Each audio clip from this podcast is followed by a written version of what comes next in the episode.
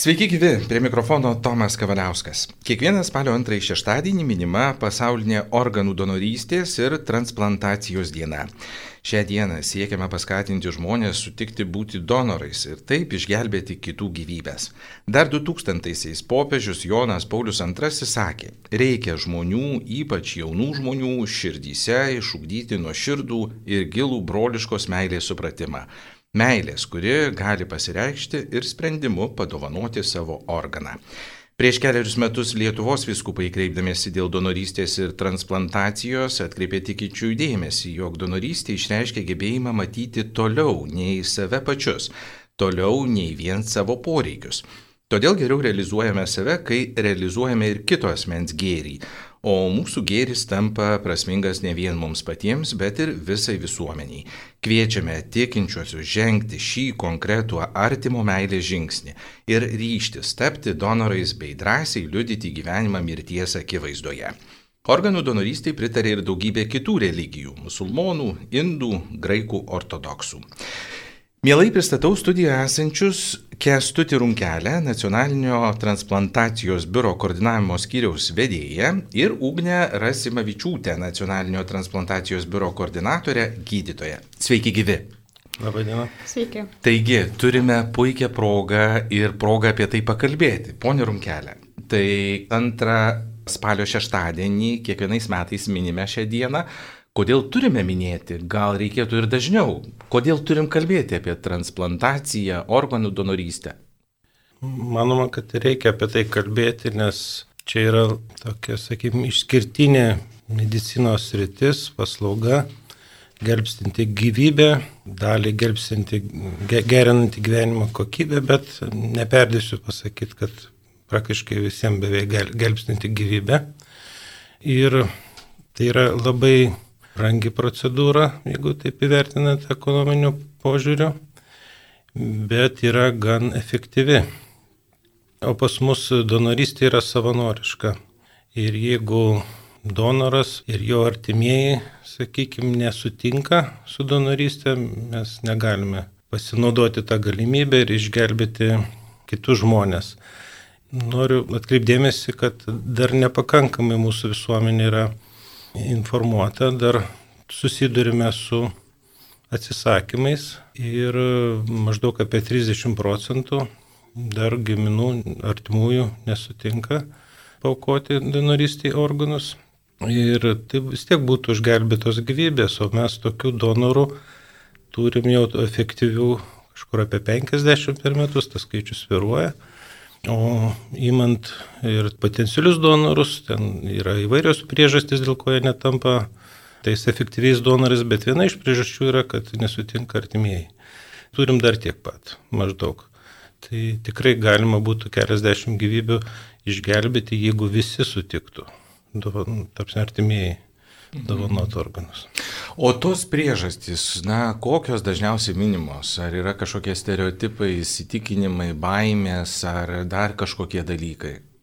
Na, labai sunku pasakyti, ką žmonės galvoja. Aš manau, kad yra įvairios priežastys, labai asmeniškos. Yra tam tikros vidinės nuostatos, galbūt jos nėra visa, visada atvirai atskleidžiamos. Gal yra įsitikinimai, kad, kad galbūt vėlionis, mes nežinom tikros vėlionio valios, nes labai nedaug vis tiek dėl to žmonių yra išreiškę iš ankstinę valią donorystiai. Gal kiti įsivaizduoja, kad, sakykime, tas lavonas būna sudarkytas ir jis būna nestetiškas ir panašiai. Čia aš tiesiog taip improvizuoju, bet jeigu taip apibendrinant, tai manyčiau, kad tie žmonės būna susikoncentravo į savo skausmą, į save daugiau ir jau tos plačiosios empatijos, kad dar matyti, kad kažkam dar galima būtų padėti, jie galbūt tuo laiku nu, nesureaguoja. Tiesiog tas skausmo akimirką nesureaguoja. Aš jo, manau, kad nesureaguoja. Gal, galbūt po kiek laiko būtų kitaip, bet čia yra keliolikos valandų maksimum laikas, kada tą galima mes apsispręsti. Ugnė, sakykit, jūs irgi, ko gero, irgi, nežinau, kiek tenka bendrauti su artimaisiais ar apskritai tiesiog prie tos problemos liestis. Ka, ka, kas jūsų akimis, na, lemia, kad žmonės turi tam tikrų baimių? Sunku pasakyti. Visų pirma, pokalbis su artimaisiais vyksta ligoninėje, reanimacijos skyriuje, kur yra tas potencialus donoras. Ir su artimaisiais e, pokalbį turi gydantis gydytojas. Tai jis paaiškina apie visą procesą, pasiteirauja artimųjų nuomonės ir jis tą sutikimą dažniausiai paima.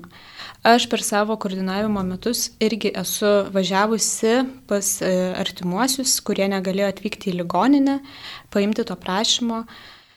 E, tuomet e, aš jį gavau, bet irgi klausimai buvo tokie, kaip jis atrodys, ar išvaizda, ar galės naudoti atvirą karstą, ar sutvarkys tą kūną. Tai dabar galiu atsakyti, kad taip, e, atrodys estetiškai, yra gerbiamas žmogus. O dažniausiai, kai nesutinka žmonės ir gydytojai mums praneša, kad po pokalbio nusprendė nedonuoti tų organų, tai tiesiog pasako, kad kategoriškai prieštarauja, ar vėlionis buvo kategoriškai prieš donorystę, tų asmeninių priežasčių nepateikia. Nedetalizuoja tiesiog. Nedetalizuoja. Mhm. Ar tenka susidurti galbūt, na, turit iš kolegų pasakojimų tokių, kad, na, pažiūrėjau, galbūt tikinti žmonės visai kitaip reaguoja, arba atvirkščiai netikintis yra tokie, na, labiau pritarantis ir palaikantis donorystės idėją? Skirsyti taip tikrai negalėčiau, nes yra ištikinčių ne vienas kartas buvęs, kai, kai savo, kad mes esame krikščionis ir čia prieštarauja krikščionybė šitas donorystės procesas. Tai tuomet reikia visada paaiškinti, kad tai yra krikščioniška kaip tik. Ir turim kontaktus ir kunigų, kurie nori bendradarbiauja su, su tais artimaisiais ir teikia informaciją. Iš tikrųjų žmonėms paaiškina tiesiog, taip, taip. palydė. Jeigu reiktų konsultacijos mm -hmm. apie krikščioniškus, katalikiškus e, reikalus, tikrai yra galimybė pasikonsultuoti. Mm -hmm. Kokios yra donorystės rūšis ir kurios dažniausiai taikomos Lietuvoje? Kas galėtumėte atsakyti? Tai šiuo metu yra trys rūšis. Tai yra iš gyvo e, donoro, iš mirusio donoro ir visai neseniai atsiradus iš smegenų mirties donoro taip pasakysim. Ir visai ne, neseniai atsiradusi nauja trečia rušis, tai neplakančio širdies donoras. E, tai, Padetalizuokit, kad taip, suprast. Iš gyvo donoro įmami organai poriniai, tai yra kaip inksta dovanoja, sakykime, artimas žmogus giminaičiai. Iš smegenų mirties donoro tai yra dažniausi donorai, kai dėl tam tikrų priežasčių e, miršta smegenis Ir neplankačio širdies donoras, tai kai yra sustojusi širdis ir kvepavimas. Mhm. Žinoma, visada yra galimybė, kad smegenų mirties donoras irgi taps neplakančio širdies donoru, nes jų būklės nėra stabilios, vis tik tai yra reanimaciniai pacientai ir su smegenų mirtimi žmogui gali taip pat sustoti širdis ir kvepavimas. Tuomet pereina iš karto į kitą rūšį ir yra ruošiamas kaip e, neplakančio širdies donoras. Bet paaiškinkim klausytojams, kad na, visa tai daroma griežtai su medikų priežiūra, ten, sakykime, tikrai yra patikrinama, indikuojama ir, na, jau, sakykime, konstatuojami vieni ar kiti dalykai, tik atlikus visas būtinas procedūras. Taip, e, visas procedūras, kurių tikrai yra nemažas kiekis ir visas tas procedūras prižiūri ne vienas gydytojas, yra gydytojų konsiliumai susidedantis iš trijų gydytojų ir tai viskas dokumentuota griežtai apiforminta, žodžiu, tikslu. Ir jeigu kalbam apie smegenų mirties donorus, kaip, kaip jūs vadinat, labai taip keistai skamba, bet, na, galbūt man kaip nežinau, čia šitos ryties, Tai pavyzdžiui, e, toks e, žmogus e, po smegenų mirties, kiek gyvybių jis gali išgelbėti? Galima įvardyti, tai yra širdis vienam žmogui gyvybė, kepenis dar antram žmogui gyvybė, plaučiai, taip pat galima skaičiuoti, skaityti kaip vienam arba dviem netgi kartais. Ir inkstai tai jau nėra vis, visiškai gyvybę gelbstinti, bet yra irgi labai mhm. dažnai ir labai svarbi transplantacija. Tai keturias gyvybės mažiausiai. mažiausiai. O vis tiek yra ragenos transplantacija. Dar yra pas mus gan nauja kasos inkstų kompleksas, tai irgi kasa yra nepakeičiamas organas, tai galima jau ir, penktą priskaičiuoti.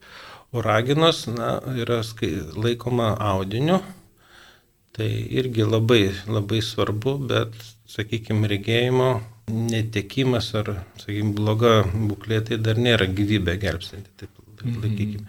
Aišku, dar yra ne organų, o audinių donorai, kurie irgi išgelbė, išgelbė daug gyvybių, tai yra kamieninių kraujo lastelių organai arba kaulų čiulpų, taip vadinant. Tai tokiu atveju mes per metus turim apie 200. Tai yra iš gyvo žmogaus mm. paimami tie kaulų čiulpų, taip pat yra praktiškai išgelbėjama gyvybė. Kiek per metus priskaičiuojama tokių donoryšių arba, sakykime, artimųjų ar pačių donorų sutikimų, kai jau tiesiog įvyksta pats faktas? Na, pernai turėjom apie 50, kartais turim daugiau tokių efektyvių donorų, kaip mes vadinam. Tikimės, kad šiemet bus geresni rodikliai. Mums dabar tai šie metai ir pernai metai buvo gan sunkus dėl COVID pandemijos, bet nežiūrint šitų visų negandų, mūsų transplantacijos procesai ne, ne, nesutriko ir netgi buvo kai, kai kurių naujovių įdėkta per šiuos ir praėjusius metus. Mhm. Kalbant apie donorystę, be abejo, yra be galo svarbus laikas. Ir per kiek laiko, nes vis tiek organai, ar, ar nežinau, ar jie tiesiog praranda tą gyvybingumą, ar kaip pavadinti, arba tiesiog turi tam tikrą savo terminą, per kurį jie turėtų būti persodinami. Girdim daugybę atvejų, kai net ir kitų šalių organai atkeliauja iki Lietuvos. Gal, Ugnė, jūs galėtumėt pasidalinti, koks tas kelias nuo žmogaus, jau kai jau konstatuojama, kad taip, yra sutikimas irgi taip ir jau pradedama procedūra, kaip tai vyksta? Taip, gavus pranešimą apie potencialų donorą, Kartais ir pasako, kad yra artimųjų žodinis suteikimas, kartais pasako, kad jų yra ir raštiškas. Ir kai yra sutinkama, aš kaip koordinatorė važiuoju į ligoninę paimti kraujo, kad jį ištirti.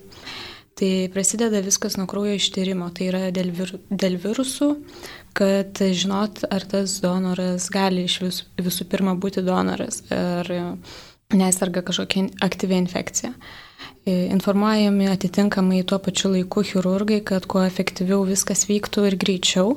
Sutikrinami sąrašai, kuriuos mes turime. Bendradarbiaujame taip pat ir su Kauno koordinatorė, kuri e, administruoja visą Lietuvos sveikatos mokslo universiteto Kauno klinikų transplantologijos koordinavimo procesą. E, išvežiojami kraujais, e, e, konsultuojamasi su chirurgais, vertinami laboratoriniai instrumentiniai tyrimai donoro, kokie organai gali būti panaudoti, kurie organai negali būti transplantuoti. Ir tas laikas šiaip labai sviruoja.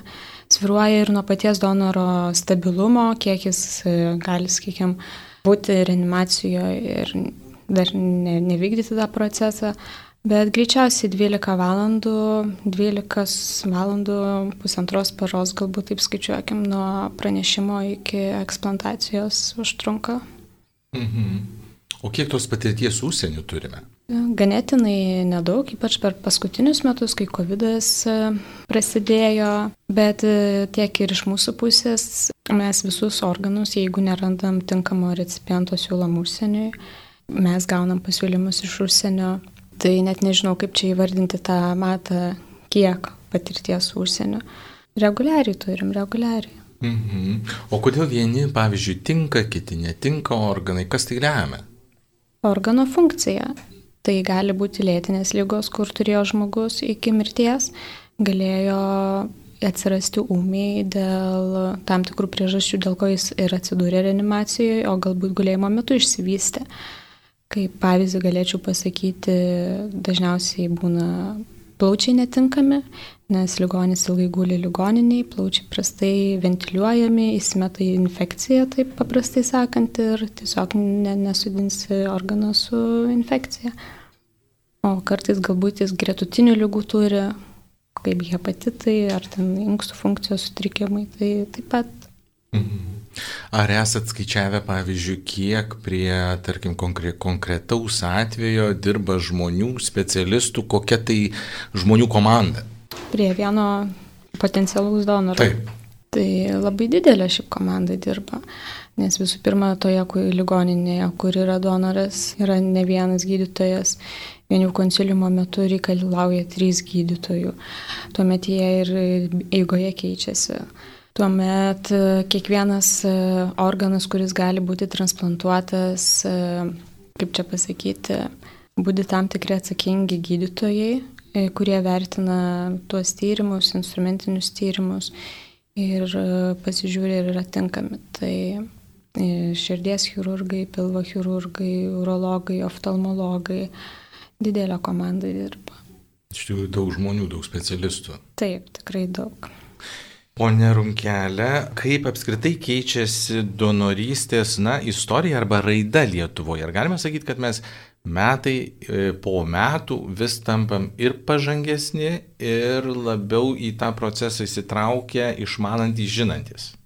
Na, galima sakyti, kad taip. Mes dabar esam bendroji, sakykime, erdvėjai su ES šalimis ir mūsų rodikliai yra, mm, mes siunčiame savo rodiklius ir jie yra palyginami ir mes galim matyti, kaip keičiasi ir atsiranda naujos donoristės e, rūšis. Turiu galvoje organų, kur mes dar anksčiau ne, ne, neturėjom galimybės transplantuoti sakykime, vienas seniausių organų inkstai, kurie jau transplantuojami berose nuo 70-mečio. Dar prieš 15 metų buvo apie 300, virš 300 laukiančių eiliai tokių pacientų, o dabar jau yra iki 100, apie 100. Tai galim sakyti, kad sumažėjo beveik tris kartus tos laukimo eilės ir dabar, na taip, vidutiniškai per metus pusantrų gauna e, inkstą, patį dažniausią transplantacijos organą. Bet aišku, tai gali siruoti. Yra pacientų, kuriems recipientų netinka, kurie turi padidintą atmetimo tikimybę, kiti tiesiog sutapimas, suderinamumas būna, tai ga, ga, gauna greičiau. Dabar iš tų naujienų, tai šiemet padarėm Lietuvoje pirmą kartą kasos inksto komplekso transplantaciją. Šiais metais taip pat metų pradžioj per patį įkarštį COVID pandemijos buvo e, transplantuoti COVID persirgusio donoro inkstai jau persirkusiems recipientams, mhm. kurie buvo persirgę ir pasveikę. Dviems iš karto, ta, tuo pat metu ir sėkmingai. Ir mes tada buvo toks labai didelis išplėstinis konsiliumas, arti, arti 30 specialistų susijungė nuotoliniu būdu ir tokį aptarimą, tai buvo iškeltas klausimas, gal turim pas kur pasižiūrėti. Europoje ar kitur, kur, kad tokia literatūrai, kur atšviežiausia, kad tai dar buvo nebuvę tokio aprašyto atvejo. Tuo metu, kai vyko Lietuvoje, kad aktyvių COVID sirgusio paciento Tai mes čia pirmūnai savotiški. Nu, galima sakyti, kad surizikavom. Sur, sur mhm. ir pavyko sėkmingai. Ja. O, tai labai smagu girdėti. Ir jeigu kalbat dar apie tas naujoves, ar tai labiau, vadinkim, yra per medicininę prizmę, kad, sakykime, vis labiau ir sėkmingiau sekasi tuos organus persodinti, tie pasiekimai ryškiausi yra, ar visgi yra ir kitokių dalykų, na, ką galima būtų palyginti su kitom šalim, lyginant tas patirtis. Ugnega, jūs išvalgų turėtumėt. Manau, susideda abu šitie dalykai į didesnę e, donorystę sėkmę. Tai visų pirma, medicinos naujovės e, tai yra nepakeičiamas dalykas, tiek e, imunologija visa, kur gali dabar kuo labiau parinkti tinkamą recipientą kiekvienam donorui. Čia kalbant konkrečiai apie inkstus, technologijos, patirtis, žinių dalymasis. Žodžiu, Lietuvoje turim tikrai aukštos klasės specialistus. Taip, tikrai taip. Mes dar turime informacinę sistemą, netaip seniai veikiančią ir esam įsijungę į taip vadinamą ES platformą ir ten valandos bėgyje yra tokia atvira platforma, jeigu netinka, nerandamas to šalyje tinkamas recipientas, tada perdodama informacija į tą vat, būtent mainų, organų mainų platformą ir ten valandos bėgi reikia sureaguoti ir sureaguoja ir Lietuva maždaug apie septynius organus dovanoja kitom šalim per metus. Ir jie atskrenda pasimti, kaip, kaip taisyklė, daugiausiai iš Vokietijos, Šveicarijos. O mes mm, žymiai mažiau įsivežam, bet įsivežam. Mhm. Iš Latvijos tai būna 3-4, šiemet jau 2 organus esam iš Latvijos atsivežę. Tai, nu, savotiškai, gal nežinau, ar tinkamas žodis, bet dalyjamasi. Taip, taip, taip. taip, taip. Mhm. E, mėlyjem klausytojams tik priminsiu, kad kalbame apie organų donorystę ir transplantaciją ir antrą e, spalio šeštadienį minima ši diena. O studijoje kartu su manimi Kestutis Runkelį ir Ugnė Rasimavičiūtė, gydytoja, transplantacijos biuro atstovai, kurie ir pasakoja apie tai, kaip sekasi donorystės propagavimui Lietuvoje. Dabar galbūt pereikim prie tokių konkretesnių dalykų. E, jei aš šiandien noriu tapti donoru, bet dar esu sveikas, mirti nesiuošiu, į avariją nepatekau, kaip man tą padaryti? Yra galimybė e, gydymo įstaigose išreikšti valią ir užsiregistruoti vaistinėse, taip pat mūsų biure ir mūsų biuro internetiniai svetainiai taip pat galima užsiregistruoti. Ko reikia, ką reikia, na, žinoti, galbūt specialių dokumentų ar dar kažko? Na, reikia asmens duomenų ir užpildyti formą, kad, kad žmogus savo valia išreiškia tokį norą. Gerai, žmogus deklaravo tą norą, ateina ta skausmo valanda ir artimieji bando užginčyti, kaip tokiu atveju. Na, buvo toks vienas atvejis, aš dar nesusidūriau, bet kolegos pasakojo, na, ne prieš tą, tarsi, jų valia yra aukštesnė. Čia tiesiog mhm. mes jau vėlionę nebepaklausim, o... Bet tarsi vėlionis ir deklaravęs tą norą. Nu, bet, sakykime, artimųjų buvo priešinga. Tai, mm. Taip Tai gal, bet, bet... gal reiktų tiesiog pridėti, kad jeigu jau apsisprendžia žmogus tapti donoru, pasirašo sutikimą, kad informuotų savo artimuosius, kad žinotų jo norą, kad negalvotų, jog čia buvo padirbtas tas sutikimas ar, ar kažko dar. O ar galima būtų tada, na, sakyti, kad, pavyzdžiui, piknaudžiaujama kažkokiu būdu, kalbant apie donorystę, na, neįsivaizduoju, ar kažkokiu atveju yra, kad, na, už kitą asmenį užpildytų, ar, ar kažkas panašaus, ar tokie dalykai tiesiog yra neįmanomi.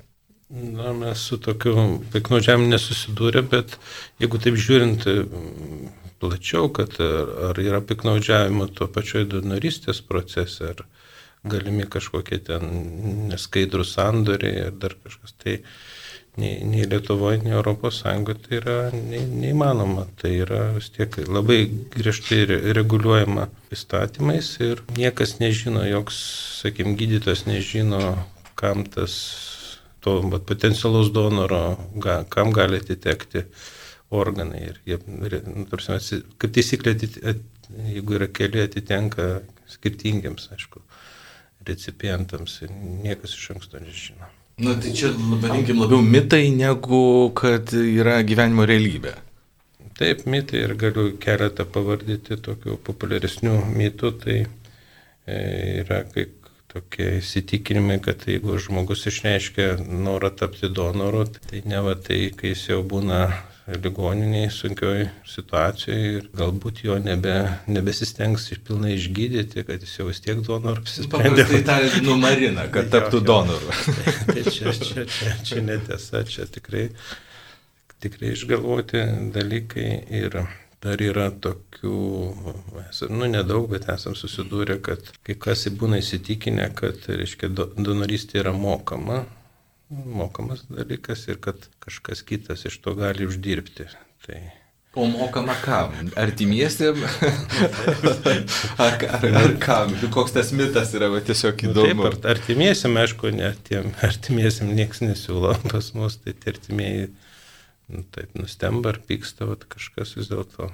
Tai čia labai vienetiniai atvejai, bet yra tokių. Pasitaiko tiesiog tokių istorijų. Kuriozų jo, taip. Bet kokiu atveju turim pabrėžti, kad e, donorystė tai yra visiškai savanoriškas, laisvanoriškas apsisprendimas, neatlygintinas. Taip. Ir net jeigu, pavyzdžiui, na, nežinau, žmona vyrui dovanoja inkstą ar panašiai, tai čia irgi nėra jokių nei už pinigus, nei kažkaip. Taip, nėra. Ir labai maža tikimybė, kad žmonos inkstas tiks vyrui ir atvirkščiai. Mm, netgi taip. Taip. Tai tarkim, žmona gali padovanoti visiškai kokiam ten svetimam žmogui lygiai taip pat kaip ir vyras. Taip, ir yra čia viena iš gyvosios donorystės rušių, taip vadinama porinė donorystė, pas mus dar nėra pilnai, nu, tarpsime, planuojama ją pradėti, tai yra, kai, sakykime, viena pora negali tarpusavį dovanoti vienas kitam gyvi organo, bet yra kita tokia pat para ir jų ten kryžmai tiktų. Būna, kad taip įstatymų reguliuojama, su, suvedamas tos poros ir atliekamas tokios transplantacijos. Iš gyvo donoro yra efektyviau. Čia kalbam apie inkstus, aišku, negu iš negyvo donoro. Šiek tiek geresni rezultatai. Ką galėtume pasakyti tiem žmonėm, na, kurių artimieji apsisprendė už donorystę, tačiau na, patys a, tokiam žingsniui nepritarė arba labai abejoja? Ukne. Tai visų pirma gerbti savo artimojo sprendimą. Galėčiau papildyti, buvo susitikimas su draugė gyvastis ir donorų artimaisiais, kurie paukojo savo, tėvai paukojo savo dukters, aiškiai, organus.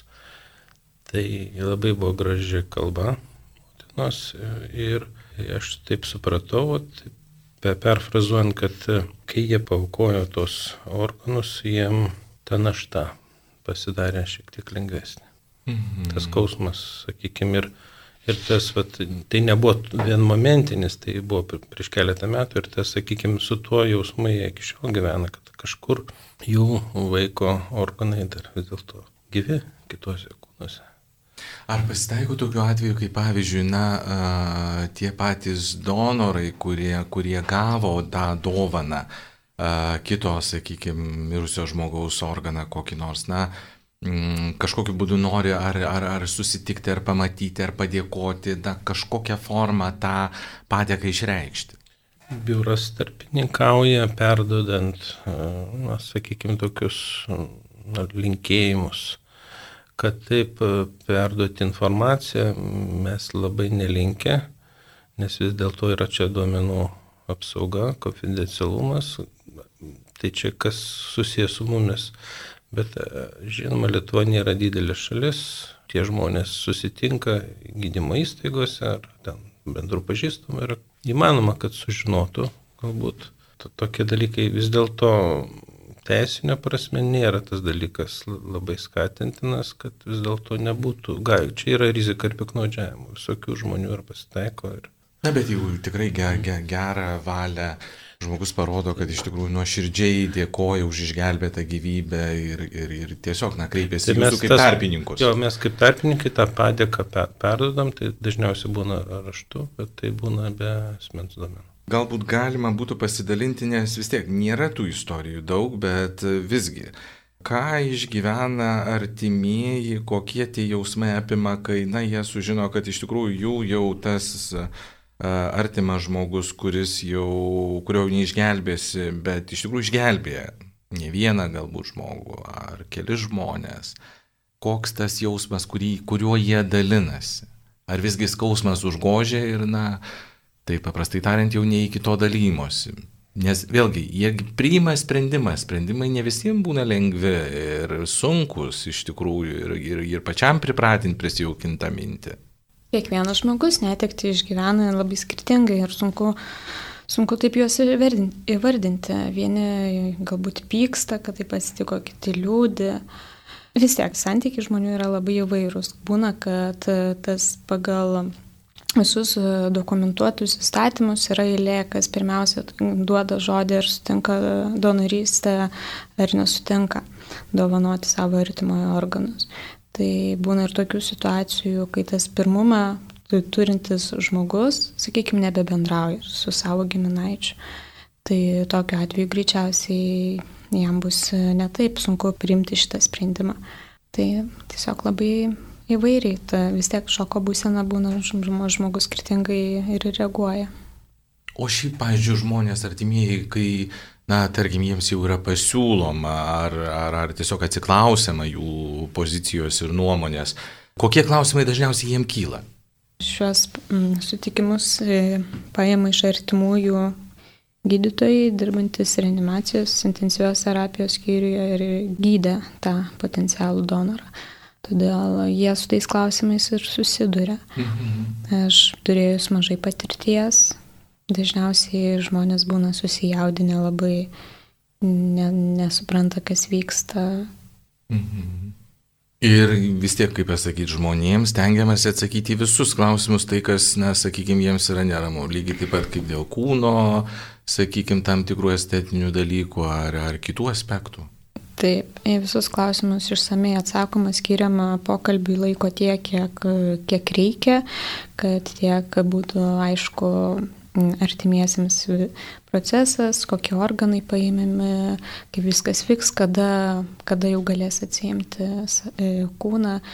Nu, kiekvienam skirtingai to laiko reikia, bet skiriama tiek, kiek reikia. Mhm. Kaip prisimenami donorai ir jų artimieji? Ar tik, na, vadinkim, ši diena skirta, ar visgi yra, na, kažkokiam kitom formom, ar, ar padėkojama donoram, na, kiek tam skiriama ir laiko, ir, na, tos tokios reikšmės? Mes apdovanojom, mūsų biuras apdovanojo donorų artimuosius pat apdovanojom organizacijas, gyvastis organizacija, kuri vienyje, vienyje šios žmonės ir sergančius ir jų artimųjų ir, ir donorų artimuosius. Taip pat apdovanojom ir politikus, ir, ir gydytojus, ir žurnalistus, kurie rašo tom temam. Tos organizacijos, e, gyvastis ir, ir, ir kitos taip pat turi savo paminėjimus. Tai, prasme, kiek galima, tas yra minimo. Skiriama nemažai dėmesio viešinimui ir lankstinukai ir visokie tenai mhm. atminimo ženkliukai išleidžiami ir tie žmonės pagerbiami. Ir prisimenami. Taip. Ir... O kiek šiandien jau priskaičiuojat sutikimų arba kaip donoro kortelių turėtojų, koks tas skaičius? Na, praeitos savaitės pabaigoje buvo 37 400. 37 400 vienetai. Keturi asmenys. Tai, o per kiek tai laiko yra? Tai per eilę metų, dalis aišku iš, iškrenta dėl įvairių priežasčių, bet toks ak, aktyvus, o taip auga maždaug po 10 procentų. Paskutiniais metais tai yra apie 3000 naujų e, asmenų per metus pareiškia, raš, raštišką norą tapti donorais. Ar esate darę analizę, tai jaunesni žmonės, vyresni, ar amžiaus, na, kažkokių ribų nėra? Nu, aiškiai, amžiaus ribų nėra, bet yra du trešdaliai moteris. Du trešdaliai moterų. Taip. Ir tik trešdalis vyrų. Taip. O, o kas, tai, o kas tai lemia? Da, ieškojot atsakymų? Dar neieškojau. Bet jaunesni, vidutinio amžiaus. Jaunesni ir vidutinio, sakykime, jaunesni ir vidutinio. Ir kada vat, pamatot, kad na, padažnėja tų kortelių pildymų, ar po kokių akcijų, po kokių raginimų? Po akcijų, kaip mes planuojam prie Balto tilto Vilniuje akciją, tai ten irgi bus galima pareikšti norą tapti donoru. Mhm. Bus tokia nu, šventė visuomeniai. Bet e, tos pačios fizinės kortelės gavimas nėra būtinas. Jeigu noriu, aš galiu tiesiog elektroniniu būdu užpildyti ir, taip, ir tapti. Taip, taip, taip. Jos, jos paskui išduodamas, bet mhm. elektroniniu būdu galima pareikšti. Bet jeigu tą kortelę turėsiu, nutiks nelaimė, tai jau medikai jau kaip ir turės tam tikrą žinę, kurią galbūt kišenėje nešiosios, kad aš potencialus donoras. Taip, taip. Tai ta kortelė tarsi toks, na, identifikacinis ženklas. Taip. Gerai, ir e, jeigu baigiant mūsų pokalbį, na, kaip dar galėtume paakinti arba prisidėti, paraginti, įtraukti visuomenę tapti donorais. Tai nereiškia šiandien, bet deklaruoti tą valią, kuri būtų galbūt ateityje ir nenuginčiama tos paskutinės akimirkos momentu. Galiu pasakyti, kad norime pakeisti šiek tiek dar, dar planuojame, bet patį modelį donoristės. Šiuo metu yra būtent, ką mes dabar visą laiką šnekėjom, kad yra išreikšta asmens valia, valia tapti donoru. Tai yra dabartinis modelis ir jis galioja dar septyniose šalyse ES.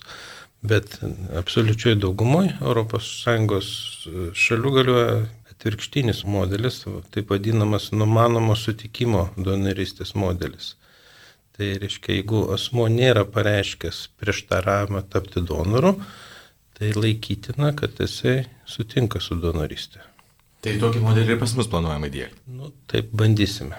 Bandysim prie šito. Tai tiesiog tada žmogui reikės tik kreipti, kai dabar kreipiasi pareikšdamas valią, tai jis taip. tada kreipdav, kreiptųsi pareikšdamas nesutikimą. Taip. O visi kiti tarsi taptų jau natūraliai donorais. Taip. Ugne. Turit gal dar išvalgų, kokių, kaip mes dar galim vieni kitus paskatinti ir paakinti? Informacija ir švietimas. Manau, daug žmonių dar kyla įvairūs klausimai apie donorystę, kaip vyksta, kas paėmama, kaip aš atrodysiu, kas gali tapti. Tai tiek interneto svetainėje visa informacija yra, tiek galima skambinti ir telefonu, visada informuosime, suteiksime informaciją, kad tą sprendimą palengvinti. Apsispręsti tiesiog Taip. žmogui padėti. Na ir turbūt e, pats prisipažinsiu, nesu, neturiu kortelės, nesu užsiregistravęs ir neturiu kortelės, bet jūs tikriausiai tikrai turite. Kortelės fizinės neturiu, bet sutikimą pasirašysi esu. Tai gal čia tiesiog pagal darbovertę privaloma? Na gerai, pabandžiau papokštauti. Tai kągi, ačiū labai. Antrąjį spalio šeštadienį minime pasaulinę organų donorystės ir transplantacijos dieną. Kalbėjomės apie tai, studijoje buvo Kestutis Runkelė ir Ugnė Rasimavičiūtė, nacionalinio transplantacijos biuro atstovai.